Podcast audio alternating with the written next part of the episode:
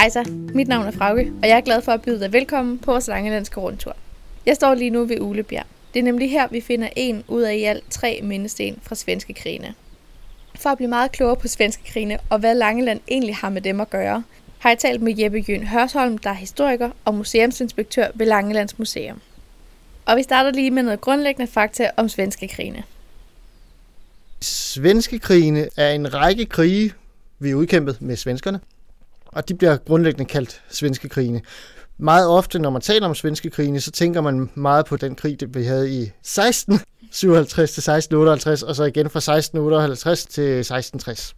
Men de hedder egentlig også første og anden Karl Gustav krig. Og da den første Karl Gustav krig bryder ud, der er de i krig i Polen, og det er derfor, at den danske konge tænker, ah, nu har de jo travlt dernede i Polen, så nu kan jeg jo godt angribe dem fra Danmark af. Det havde Karl Gustav, den svenske konge, der jo lurede. Han havde kontakter i Danmark, der havde opsnappet, hvad der ville ske. Så han skyndte sig at dele sin her, og så sendte han den ene halvdel mod Danmark, og den anden halvdel blev i Polen. Og der viste det sig jo så, at den danske her måske ikke var helt så kampberedt, som den var, så den meget hurtigt tabt. Hvis vi så zoomer ind på det på et lokalt plan, hvordan var det så lige, at Langeland egentlig var indblandet i de her krige? Det har Jeppe heldigvis en god forklaring på. Hvis vi tager langlandsperspektivet på, så er der jo det, at øh, svenskerne går over isen. De starter med at gå op igennem Jylland, og så går de over Lillebælt, så erobrer de Fyn, men så skal de videre til Sjælland. Og der skal man så finde ud af, hvilken vej er den bedste at komme til Sjælland på, når nu Storebælt er frosset til.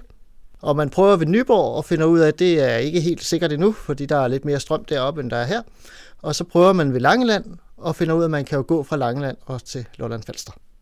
Så det er der, hvor de går, og derfor er Langeland lidt vigtig i den del af krigen. Efter freden i Roskilde, hvor vi mistede Skåne, og Bleking i, i 1658, så var der reelt fred, men svenskerne var stadig i Danmark, og det lykkedes langelænderne at få smidt svenskerne ud af Langeland.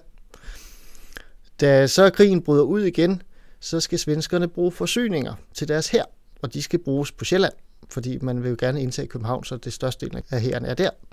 Og man får ligesom udtømt hele Fyn for, hvad man nu kan plyndre. Og så tænker man, så må det jo være Langelands tur. Øh, det var langelænderne så er jeg bare ikke sådan super enige i. Langelænderne var heldigvis ikke nogen, der bare lige sådan gav op og lod svenskerne plyndre hele øen.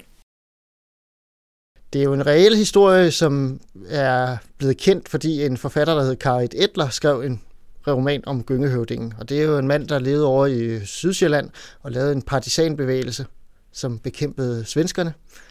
Vi havde jo også vores egen gyngehøvding, Langelands gyngehøvding, som øh, hed Eidinghaus, og som samlede nogle øh, bønder og nogle soldater, og blandt andet generede svenskerne, øh, både på Langeland, men også øh, på Ærø, og, og lavede små angreb mod dem der. Så de øh, bruger øh, 10 forsøg på at erobre Langeland. Og de, i starten er det noget med, at de sender et skib og et par transportskibe og går i land, og så bliver de smidt ud af Langelænderne, og så sender de flere skibe, og det bliver mere og mere hårdhændet forsøg. Udover den langelandske gyngehøvding Vardinghausen, var der også en anden fremtrædende person. Eller nok nærmere en familie, der også gjorde deres bedste for at give svenskerne hårde kår her på Langeland. Og Langelands forsvar var jo så øh, lagt i øh, Vincent Stensen Let fra Stensgård, som jo så havde samlet en, en bonde her af langlænder, og havde også fået nogle enkelte soldater bragt over fra Lolland Falster på et tidspunkt. Og det var ham, der ligesom stod for at bekæmpe de svenske landgangsforsøg. Og det lykkedes jo så også øh, langt hen ad vejen, indtil 10. forsøg, hvor de faktisk lykkedes med at erobre Langeland. Men der går jo nogle historier om Vincent Stensen lidt. Historien går jo på, at han bliver ramt af kanonskud ude ved, ved stranden, mens han er i gang med at bekæmpe et landgangsforsøg. Og et af mindesmærkerne står der jo også, fordi at Vincent så let desværre mister livet. Og hans kone, Anne Holk, overtager hans ansvar for forsvaret. Og da svenskerne så på et tidspunkt kommer frem til Stensgård, så vælger hun at byde dem velkommen og traktere dem med alskens drikkelse fra vinkælderen, sådan at de bliver øh, ja, plørfulde. Og da de så er fuldstændig plørfulde, så går hun ud og finder alle bønderne, og, der hører til, til gårdens områder, og så angriber de svenskerne med høtyve og slår dem ihjel. Og øh, da så den næste svenske enhed, eller resten af den svenske her kommer til Stensgård, så finder de jo deres døde kammerater og regner hurtigt ud, hvad der er sket. Og så siges det, at Anne Holk hun så bliver bundet ude på gårdspladsen som en hund uden mad og uden drikke, som straf.